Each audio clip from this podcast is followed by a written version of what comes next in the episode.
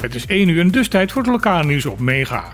Bon tardi, ik ben Martijn Schmuller en dit zijn de onderwerpen. Een hit en run heeft gistermiddag het leven gekost aan twee ezels.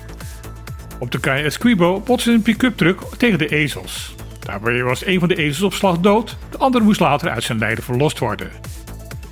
Wat voor veel publieke verontwaardiging zorgde, was dat de bestuurder van de pick-up zich niet bekommerde om de aangereden dieren, maar gelijk doorreed. Een andere weggebruiker die het ongeluk zag gebeuren, moest daarom de hulpdiensten waarschuwen. Waarschijnlijk heeft deze persoon ook kans gezien om foto's van de wegrijdende pick-up te maken. Jaarlijks worden diverse ezels doodgereden op Bonaire. Volgens de politie is de oorzaak daarvan meestal te vinden in te hard rijden of ander onverantwoordelijk rijgedrag. Onnodig beledigend voor de bevolking van Saba. Dat is de mening van de voltallige eilandsraad van Bonaire over de opmerkingen die eilandsraad Gevier Arjen de Wolf op 13 januari in het programma Op de Klippen heeft gemaakt. De Wolf zei dat Saba een potentieel probleem heeft als gevolg van het kleine bevolkingsaantal van het eiland. Daarom is er regelmatig vers bloed nodig. Regelmatige instroom van immigranten op Saba is daarom volgens de Wolf van levensbelang. Deze opvatting vond geen weerklank bij diverse politici op Saba. De uitspraak werd daar vooral ervaren als beledigend en denigrerend. Toen de boosheid op social media werd opgepikt door de website dossier Koninkrijksrelaties, waaide de verontwaardiging ook over naar Bonaire. Dat heeft geresulteerd in een officiële excuusbrief van de Eilandsraad aan de bevolking van Saba. Of deze zaak nog een staartje gaat krijgen voor de griffier is niet duidelijk. Deze heeft ondertussen ook zijn excuus aangeboden, maar lijkt meer spijt te hebben van de commotie die door zijn woorden is ontstaan dan over de inhoud van die woorden. Het aantal toeristen die het eiland Bonaire wil komen bezoeken blijft toenemen. Dat is te lezen cijfers die het TCB maandelijks bekend maakt. In januari kwamen bijna 17.000 bezoekers naar Bonaire voor een verblijf van meerdere dagen. Dat zijn er krap 500 meer dan een jaar geleden. Iets meer dan de helft van de bezoekers waren al minstens een keer eerder op het eiland geweest. 44% was voor het eerst hier.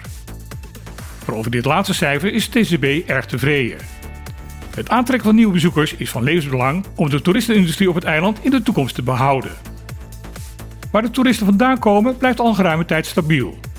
Bijna de helft uit Europees Nederland, 30% uit de Verenigde Staten. Wel is er een tendens te zien dat het aantal Noord-Amerikanen die belangstelling hebben voor Bonaire aan het groeien is. Ook de leeftijdsverdeling blijft stabiel. Iets meer dan de helft van de bezoekers is 55 jaar of ouder. Moet de oude Israël-raffinaderij op Curaçao opnieuw geopend worden of niet? Dat is een vraag die de politiek op het buureiland al jaren bezighoudt. Veel politici zijn van mening dat Isla een nieuwe opstart moet gaan krijgen. Dit in verband met de inkomsten voor de staat Curaçao en de werkloosheid op het eiland. Anderen zijn pertinent tegen en benadrukken dat de raffinaderij te oud is en altijd al bekend heeft gestaan als uitermate vervuilend. Nu heeft ook staatssecretaris van Koninkrijksrelaties Alexander van Huffelen zich in de discussie gemengd. Komt met de suggestie om de olieinstallatie van Isla op te bouwen naar een fabriek voor groene waterstofproductie. Ze benadrukt in een schrijven aan de Tweede Kamer dat dit niet meer is dan een advies. Maar dat ze wel van mening is dat gezien de vele mogelijkheden voor wind- en zonne-energie daar wel grote kansen liggen. Ze geeft ook aan dat de beslissing hierover niet bij haar ligt, maar bij de regering van Curaçao. Daar is van bekend dat premier Pisas een grote voorstander is van heropening van de raffinaderij. Dit was weer het lokale nieuws van vandaag op Mega. Ik wens iedereen een energieke dag toe en dan heel graag weer. Tot morgen!